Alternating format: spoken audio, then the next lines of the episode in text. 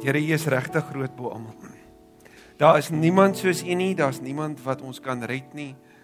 Daar's niemand wat ons lewe so kan verander soos U nie. Daar's niemand, Here, anders as soos wie ons wil wees as soos U nie. Daarom bid ek so, o Heilige Gees.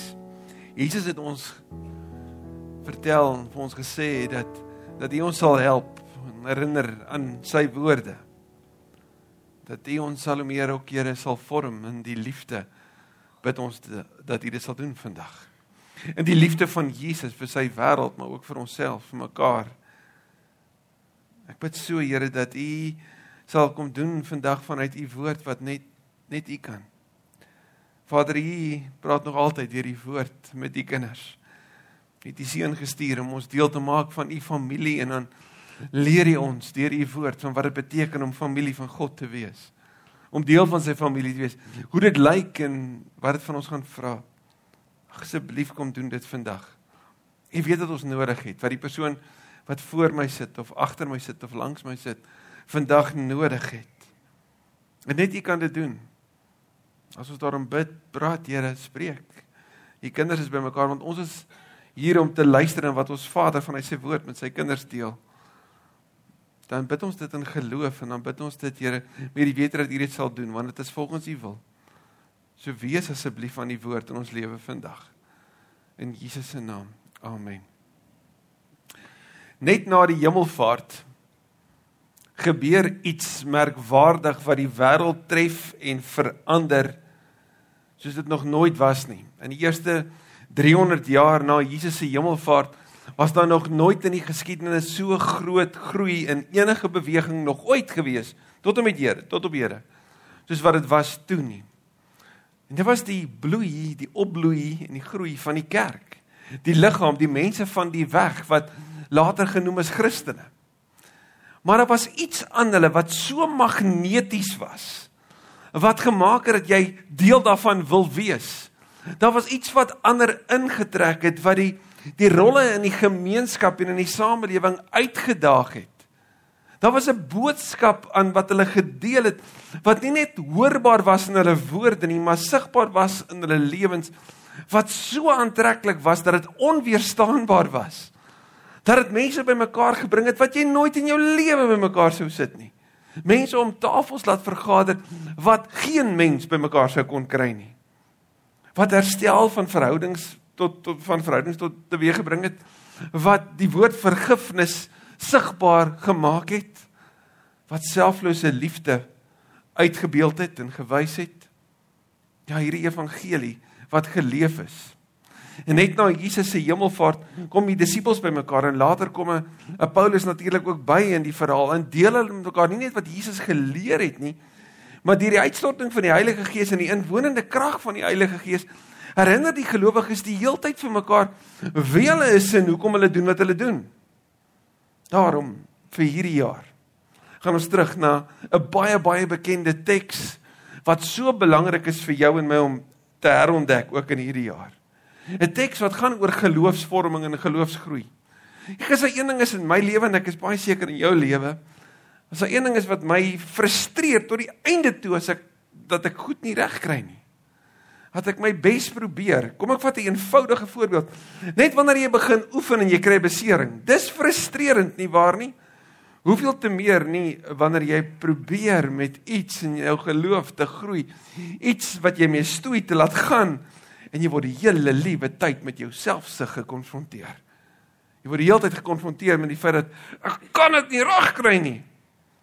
En help dit my om te onthou daar's Romeine 7 waarin Paulus sê God dank hy doen dit wanneer ek dit nie reg kry nie hy doen dit deur my. Maar wat sal 'n wedstrydplan wees julle wat ons kan volg? 'n 'n roetekaart as dit dalk 'n beter werkwoord of beeld is wat vir jou kan werk. Wat sal maak dat die ek in Desember 2023 nie dieselfde ek is as in Januarie 2023 nie. Wat kan ek doen in hierdie jaar wat wat my geloof aanbetref my op 'n nuwe plek gaan bring, by nuwe ontdekkings bring. My by 'n honger sal bring vir meer van hom. Regtig meer van hom. En nie meer van hom omdat ek deur 'n krisis gaan nie, want ja, dis wat krisisse doen, nê. Nee. Krisisse leer jou bid. Soos my ouma gesê het, nood leer bid. Né? Nee? Maar behalwe vir dit, wat sal maak dat ek 'n konstante honger vir die Here het? 'n Konstante verandering om al hoe meer soos hy te word. So as jou Bybel naby is, kan jy bly na Kolossense 3 toe. As jou foon naby is en jy die Bybel app op het, dan is dit nou die geleentheid om hom oop te maak en daar in YouVersion te kyk by Kolossense 3. Ek sien die die nuwe 2020 vertaling is ook nou op op YouVersion. En net so terwyl so die van julle wat ek ek kan nie dink dat daar is nie, maar Suid-Afrika is een van die grootste gebruikers van YouVersion in die wêreld. Ek dink ons is die vierde grootste gebruiker in die wêreld van YouVersion. So vir die van julle wat BC is, before computers. Ek weet jy het 'n selfoon, want ek weet jy neem foto's en jy stuur dit graag aan. Laai gerus vir jou die YouVersion app af. En daar gaan jy al die Bybels kry wat wat jy kan volg op en en kan lees en daar's Bybelplanne. So en dit is 'n heerlike interaktiewe plek ook, ehm um, waar jy met ander ook kan weet ehm um, hoe sê die Engelse kan connect en uh, met hulle kan deel oor wat jy ontdek. Goed, Kolossense 3, ons lees van vers 1 tot 17. Vir die van julle wat wat hou van lees, Dallas Willard is een van die bekendste kenners, veral ek dink hy het die hele idee van die Jesus lewe het hy neergesit, nê? Nee? En Dallas Willard skryf baie oor geloofsvorming. Hoe ek en jy die tipe mens kan wees wat wat Jesus ons bedoel het om te wees. Hoe word ons dit? Hy sal byvoorbeeld praat van acting yourself into a new way of being. Dit werk lekker saam met die die boeke van spiritual disciplines ook van Richard Foster, maar Dallas Willard is baie sterk daarop of van opinie dat Kolossense 3 een van die sleuteltekste is vir ons om te lees wanneer dit gaan oor die vorming van ons om al hoe meer soos Jesus te wees. So kom ons lees Kolossense 3 vanaf vers 1. Aangesien julle saam met Christus uit die dood opgewek is, moet julle streef na die dinge daarbo waar Christus is, waar hy aan die regterhand van God sit. Rig julle gedagtes op die dinge wat daarbo is, nie op die dinge wat op die aarde is nie want julle het gesterwe en julle lewe is saam met Christus verborge in God. Wanneer Christus wat julle lewe is by sy wederkoms verskyn, sal julle ook saam met hom verskyn en in sy heerlikheid deel. Daarom moet julle die aardse dinge doodmaak wat nog deel van julle lewe is. Onseerlikheid, onreinheid, welis, slegte begeertes en gierigheid wat afgoderry is. Deur sulke dinge kom die straf van God oor die mense wat van wat aan hom ongehoorsaam is. Vroeger het julle ook aan die dinge meegedoen toe julle nog daarin geleef het, maar nou moet julle al hierdie dinge laat staan. Woede, haat, nait en gevloek. Vuil taal moet daar nie uit julle mond kom nie en moenie vir mekaar lieg nie. Julle het met die ou sondige mens en sy gewoontes gebreek en leef na die lewe van die nuwe mens wat al hoe meer vernuwe word na die beeld van sy Skepper en tot die volle kennis van God. Hier is dit nie belang van belang of iemand Griek of Jood is, besny of nie besny nie, andertalig, onbeskaaf en die woord onbeskaaf daar in die Grieks is barbaros, 'n barbaar. Slaaf of vry nie. Hier is Christus alles en in almal. Julle is die uitverkore volk van God wat hy baie liefhet. Daarom moet julle meelewend, goedgesind, nederig, sagmoedig en verdraagsaam wees. Wees geduldig met mekaar en vergewe mekaar as die een iets teen die ander het. Soos die Here julle vergewe het, moet julle mekaar ook vergewe. Boor dit alles moet julle mekaar lief hê. Dis die band wat julle tot volmaakte eenheid saambind. En die vrede wat Christus gee, moet in julle lewens die deurslag gee. God het julle immers geroep om as lede van een liggaam in vrede met mekaar te lewe. Wees altyd dankbaar. En die Griekse woord vir altyd is altyd. Ook om die braaivleis vier. Die boodskap van Christus moet in sy volle rykdom in julle bly. Leer en onderrig mekaar met alle wysheid. Met dankbaarheid in julle harte moet julle psalms, lofgesang en ander geestelike liedere sing tot eer van God sing. En wat julle ook al sê of doen, sê en doen dit alles in die naam van die Here Jesus en dank God die Vader deur hom. Dis 'n mondvol. Ek ek seker as ons hom so lees gaan jy sien oor die hierdie moet ek weer en weer en weer dalk gaan lees. En dit sal goed wees om vir 'n slag dalk vir 'n week lank of dalk selfs vir 'n maand lank met een teks te, te stap en te reflekteer daarop oor wat sê dit vir my. Maar ek wil graag vier gedagtes met jou deel. Die eerste belangrike rondom geloofsvorming is die punt wat Paulus maak reg in die eerste vers, naamlik identiteit. Hy begin deur te sê aangesien julle opgewek is. Hy begin deur te sê iets het met jou lewe gebeur. Jy het nie aandeel daarin nie. Jy het dit nie teweeggebring nie, maar dit het, het gebeur en dit is 'n gegewe. Hy sê jy was dood, maar jy's tot die lewe geroep. Iemand het op 'n stadium gesê, die boodskap van die evangelie is nie dat God gewone mense beter mense maak nie, maar dat hy dooie mense lewende mense maak. En Paulus kom sê vir die gemeente in Kolosse, maar ook vir jou en my, hoor mooi, jy's klaar 'n nuwe mens, soos 2 Korintiërs 5 ook sê. Jy het uit die dood opgewek. Jy is nou deel van die hemel. Dan sê hy, aangesien jy deel is van die hemel, rig jou gedagtes na dit toe waarvan jy reeds deel is. Vir die van julle wat gister die begrafnis bygewoon het van van Gerard die koning sou sou gehoor het hoe mooi Tissie dit gedoen het. Hoe mooi sy ons gehelp het om om vanuit Psalm 91 net die gedagtes op God terug. En sê daarom is daar hoop. Daarom kan ons leef met hoop. Omdat ons deel is van 'n nuwe familie wat vir altyd leef. Hierdie wêreld wat so vinnig verbygaan vir sommige van ons 61 jaar, vir ander van ons 80 jaar, vir ander baie minder as dit is nie al waaroor dit gaan nie. Die stopstraat is weggevat. Vir die gelowiges is die dood nie die einde nie. Dis 'n oorgang na nog meer intiemer, beter naby aan die Here wees. Daarom ontdek wat met jou reeds gebeur het. En omdat jy nou 'n kind van die hemel is, 'n kind van die Here is, daarom moet dit jou gedagtes wees en wat Paulus doen is om te sê die heel eerste ding wat ek en jy moet doen in ons geloofvorming is om te weet ons is reeds God se En daarom moet ons ons gedagtes rig op dit waarby Jesus is want Paulus kom sê Jesus sit aan die regterrand van God. Dit beteken die verlossingswerk is afgehandel. Gaan lees meer Openbaring 4 en 5 daaroor. Jesus sit in die hemel in die plek of in die posisie van triomf, van heerskappy, van oorwinning. En Paulus sê dink dit. Dink die hemelse gedagtes na want jy het nou 'n hemelse hart gekry. In die hemelse hart kry hemelse gedagtes. So ontdek elke oggend wanneer jy wakker word, besef weer, onthou ek se kind van die Here. Dit's baie interessant, né? Nee?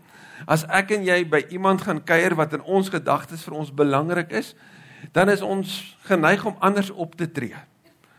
Jy het 'n ander tipe woordeskat of ander klere drag, want dis 'n belangriker persoon, nie waar nie? Wel, langs jou sit die belangrikste mense want hulle is kinders van die lewende God. Hulle is burgers van die hemel. Anders sou sê hulle is prinses en prinsesse van die koning. Daarom moet ek en jy weet as ons 'n kind van die Vader is, dan is dit ons identiteit en as dit my identiteit is, is dit hoe ek moet optree. En hoe lyk dit? Paulus gebruik 'n paar woorde. Eers sê hy, besef wie jy is. Net soos wat, weet, en, en hier's my die pragtige. Paulus gebruik hier in baie beelde wat jy kan deurtrek na die huwelik toe. Ek het die voorreg om baie by by by huweliksbevestigings te wees. Met die mooiste mooi om te sien hoe man en vrou een word. Dis onmiddellik daar, nê. Nee. Maar maar stel jouself voor, die bruid en die bruidegom het nou getrou en nou sê hulle vir mekaar, "Goed, ons is nou een, ons deel een van, ons is ons deel een bed, ons deel een huis, ons is Ons het dit nou bereik, is nou klaar. Die werk is gedoen, ons het by die troue aangekom. Is nou klaar, ons is nou getroud. Is dit nou die einde? As jy langer as 'n week getroud is, dan weet jy, nee, dis die begin. Né? Nee? Dis die begin en die van ons hier was as sê, "Boeta net hou nooit op nie." Na 60 jaar nog steeds Dominee nog nooit aan aan aan aan moord wat gaan 'n skei gedink nie, maar aan moord baie. Jy het al daai grappie gehoor, nê? Nee. Dis wanneer die werk begin. Dis wanneer die ek word al hoe meer gevorm begin. Dis wanneer jy ontdek hoe selfsugtig jy is. Daar's nêrens 'n plek ek dink in hierdie wêreld waar jy gekonfronteer word met jou eie self soos dit huwelik nie. Want elke liewe dag wil jy sê my way. En elke dag ontdek jy daar's 'n beter way. Nee? Ek's veilig getroud vir 20 jaar. Nee my bokkie. maar maar hier is die punt. sien Paulus kom sê jy is nou deel van die bruidegom se familie. Nie nie dit nie. Jy het 'n bruidegom, jy's 'n bruid. En hoe lyk 'n bruid se klere? En dis punt 2. Hy sê jy het 'n nuwe identiteit. Jy's die bruid van die bruidegom. Openbaring eindig daarmee in hoofstuk 19. Die tweede ding, hierdie bruid het nuwe klere. Kolosse was 'n was 'n stad gewees binne in die Romeinse ryk wat bekend was daarvoor vir hulle tekstiel weet nywerheid. Hulle het die mooiste klere gemaak. So die tipe klere wat jy aangetrek het was groot gewees in hulle wêreld. Dit het nie net vir hulle ekonomies aan die lewe gehou en vooruitgang gebring nie. Dit was ook hulle identiteit gewees. So wanneer Paulus die die beeld van van klere aantrek gebruik of klere uittrek gebruik, dan dan is dit iets wat so naby hulle is. Hy gebruik twee woorde tussen vers 5 en vers 12. Een sê hy, jy's nou 'n nuwe mens, jy het uit die doodheid opgewek. Daarom moet jy een en dan gebruik hy die Griekse woord nekroo. Nou nekroo beteken nek omdraai. Letterlik nek omdraai. Doodmaak. Hy sê jy's nou 'n nuwe mens, daarom hoort hierdie ou goed nie meer by jou nie. En hier is dit mooi. Wat sal gebeur as ons in plaas van om vir mekaar te herinner op ons foute, vir mekaar te herinner aan ons identiteit? Dis sê wie jy nê? Wat jy sopas gedoen het, pas mos nie by 'n kind van die Here nie. Ja man, daai is mos nie meer wie jy is nie. Dit hoort by iemand wat nie vir Jesus ken nie. Hoor jy? In plaas van iemand die hele tyd te laat skuldig voel, kom ons herinner mekaar aan ons identiteit. Want Paulus doen dit. Hy sê vroeër was daar goed in julle lewens gewees, maar daai goed moet jy nou nek omdraai. Dit pas nie by jou nie. Hoor net die woorde wat hy gebruik wanneer hy woorde sê soos um, onsedelikheid, onreinheid, welle, slegte begeertes en gierigheid wat afgodery is. En dan sê hy vroeër het julle daarin gedeel. Maar nou het julle met die ou sondige mens gebreek en die woord in die Grieks vir gebreek is julle dit uitgetrek. Julle die klere, die ou vuil klere uitgetrek. Nou hier's vir my die mooi van hierdie beeld. Elke liewe oggend trek ek en jy is ons bevoorreg om 'n vars stel klere aan te trek. Mooi gewaste skoon klere. Jy dra nie gister se vuil klere nie. Dit word gewas. Nou Paulus sê elke oggend wanneer ek en jy wakker word, as gelowige in Klagliedere 3 sê sy genade is vars en nie elke oggend. Sê trek die klere aan van die nuwe mens. Sê Here, ek behoort aan U. Dankie dat ek die klere van die nuwe mens kan aantrek. Dat ek die ou klere kan uittrek. En elke liewe keer wanneer ek gekonfronteer word met my ou mens, moet ek nie moedeloos word nie.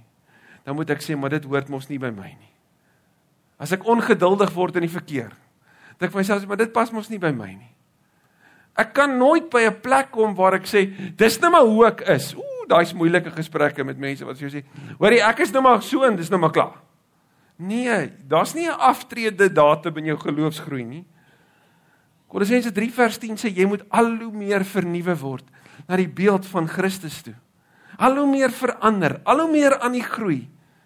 Elke 8 jaar is elke sel in jou liggaam splinternuut. As jou liggaam dit van self doen, raai wat, jou gees het dit ook nodig om al hoe meer verander te word. So trek die ou klere uit, stop dit en word al hoe meer verander na Christus toe.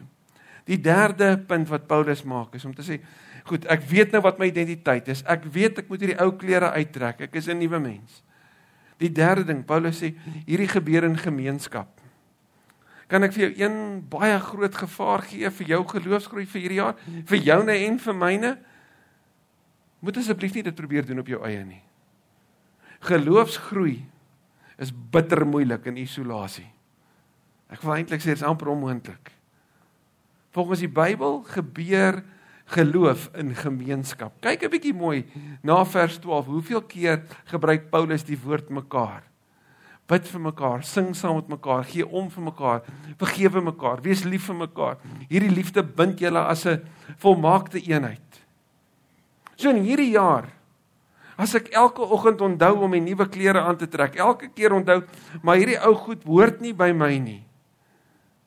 Dis die ding wat Paulus sê, maar nie net dit nie, gaan word deel van 'n gemeenskap. So ek wil jou uitdaag hierdie jaar, skakel in, raak betrokke. Bly betrokke. Nooi mense na jou huis toe. Maar doen dit in gemeenskap. Vra vir mense wat wat kan jy vir hulle bid en sê vir mense wat hulle vir jou kan bid. Deel in mekaar se lewens. Want dis hoe ons vorm. Dis hoe ons groei. Van die belangrikste plekke in my eie geloofsgroei was die plekke gewees wat mense wat vir my lief is en omgee vir my die waarheid sê. Nie die goed sê wat ek wil hoor nie, maar die waarheid sê. Waarheid van jy was 'n bietjie ongeduldig geweest. Of weet jy wat? Jy is so besig wanneer ons by jou kom kuier dat dit nie eintlik voel of ons noodwendig by jou gekuier het nou nie. Ontspan, wees teenwoordig. Moenie die hele tyd op pad wees ergens heen nie. Sjoe, nie lekker gewees nie. Maar dankie vir daai les. Ek sal hom nooit vergeet nie. Mense wat die waarheid vir ons sê omdat hulle regtig omgee. Maar dit kan net gebeur wanneer ons in gemeenskap is. Want sien hier's wat Paulus sê, wanneer ons hierdie waarheid en hierdie liefde en hierdie omgee met mekaar deel, dan wys ons vir die wêreld ons is die volk van God. Want dis die woord wat hy beskryf.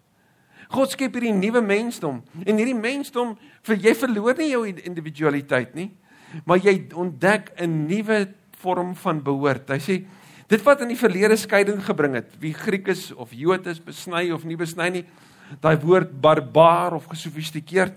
Hy praat van ander taaliges, want die Griekse woord daar is mense wat die Jode nie net as heidene gesien het nie, maar as bitter ver. Jy het eintlik nooit met hulle gepraat nie. Hy sê hierdie vreemdes niks daarvan wat die wêreld gebruik om skeiding te bring. Jy sou kon sê ryk of arm, gesofistikeerd of nie, geleerd of nie. Daai tipiese goed wat die wêreld gebruik om skeiding te bring, dit tel nie. In God se familie is daar nie statusse nie. Daar's nie rangorde nie. Hier is Christus alles en in almal. Daarom moet dit in gemeenskap gebeur. Daarom het ek en jy nodig om aan 'n groep te behoort of dit nou 'n bedieningsgroep is en of dit nou 'n 'n selgroep of 'n omgeegroep is of dit nou 'n plek is waar ek op 'n Sondag kan uittrek na kinders toe of na tieners toe waar dit ook al is dat ek kan deel wees van 'n groep wat in my lewe belê want dis hoe ek geloofsgroei gaan beleef hierdie jaar nie as 'n individu nie maar as deel van 'n groep so ontdek jou identiteit trek hy ou klere uit die derde ding wees deel sê Paulus van van 'n groter groep ons gaan kyk maar weer na vers 12 tot 17 En 4, nie vir die mooiste, is die hoogtepunt amper. Is trek die nuwe klere aan. En die nuwe klere kan jy in Kolossense 3 sien word met twee werkwoorde aan mekaar gebind. Dink en doen. Dink en doen. En hierdie twee sien ek en jy nogal interaktief in ons lewe hoe hulle met mekaar eintlik kragte meet. Want baie sou sê wat jy dink is wat jy word, nie waar nie? Ek wil dink goeie dinge en dan dan goeie goed met jou gebeur. Maar iets wat ons baie min vir mekaar sê is wat jy doen vorm baie dikwels jou denke. 'n Vriend van my het die wyse woorde eendag gebruik. Hy sê ons kan sê wat ons dink, maar ons doen wat ons glo.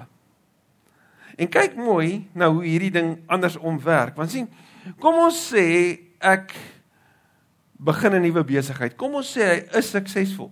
Kom ons sê ek is finansiëel nou op 'n plek waar ander reken, hoorie, maar ek is 'n sukses. Wel, raai hoe dink ek oor myself?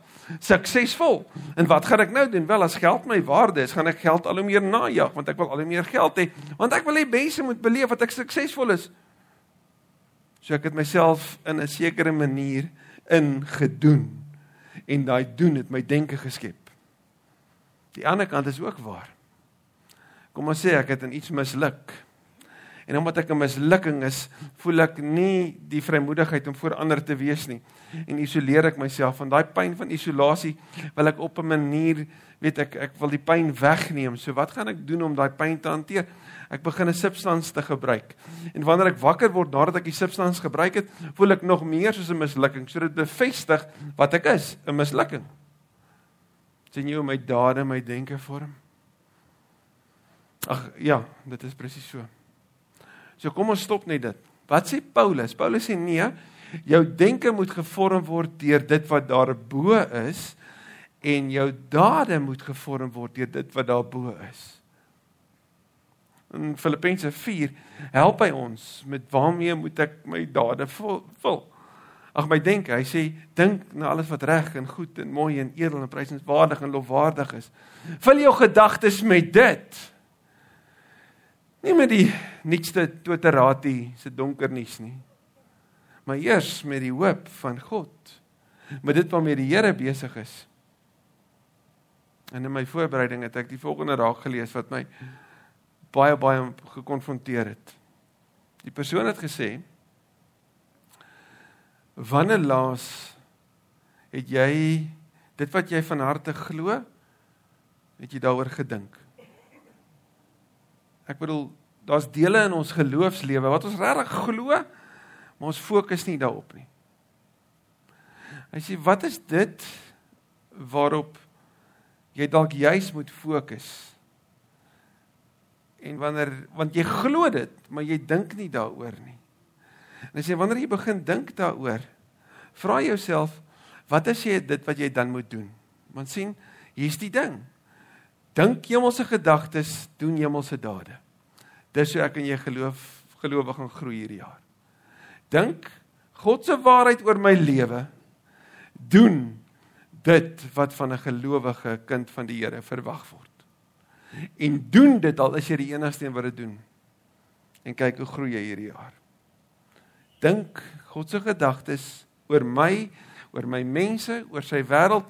En nou praat ek van die waarheid. Ek praat nie van die soetsappige nonsens wat sommige mense op die weet die tele-evangeliste verkondig. Ek praat van die waarheid van hy se woord. Dink dit wat God sê oor my, oor sy wêreld. En vra myself af wat wil hy hê moet ek doen?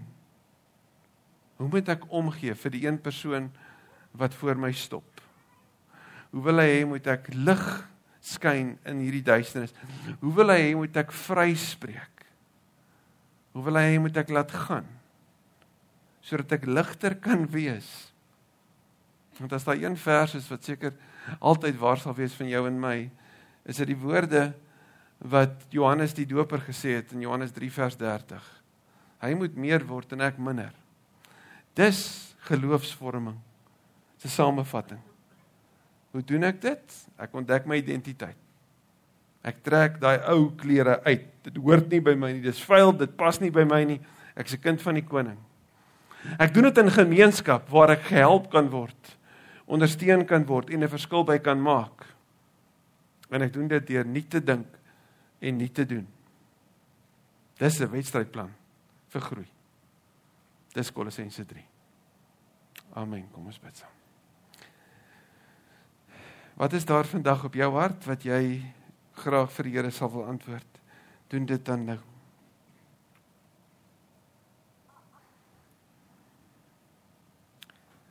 Vader, dit is so goed om te mag antwoord op dit wat U ook vanuit U woord vir ons elkeen kom sê het.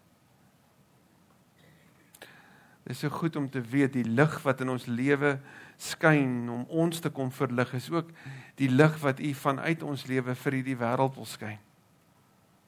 Daarom bid ek dat u ook die donker kolle in ons lewe vir ons sal verlig sodat ons dit na u toe kan bring en vergewe kan word vir oggend. Gesond kan word vir die wonde wat sonde bring. Dit wat skeiding bring in ons verhouding tussen ons en u en ons en ander. Wil u dit asseblief kom wegvat? Dankie Here dat vir oggend nie 'n vinnige kits oplossing is nie. Ons het dit nou, ons verstaan dit nou, dis klaar nie. Maar dit juis vir ons 'n 'n leerskool is. 'n Herinnering is aan dit wat voorlê vir ons. 'n Jaar waarin ons regtig kan ontdek dat ons 'n geliefde van die Lam is. Geliefde van die bruidegom. Dat hierdie nuwe klere gewas is soos wat Openbaring sê in die bloed van die Lam en dat hierdie nuwe klere jy sigbaar word in ons goeie dade wat ons doen sodat hulle U verheerlik en aan U die eer bring. Dat ons al hoe meer verander sal word. Here juis na die beeld van Christus toe soos Kolossense 3 sê en dat ander juis kan sien dat toe U ons geskep het na U beeld toe was U beeld so volmaak soos U seun en dat daai beeld sal neerslag vind in ons lewe. Dankie dat ons kan bid dat U dit sal doen. Ons sal help daarmee. Dat ons mekaar sal help en genadig met mekaar sal wees. Dat ons sal groei in 2023 omdat U Here aan ons gebind is en ons vanuit U groei. Ons eer U Help ons om hierdie lig te skyn in Jesus se naam. Amen.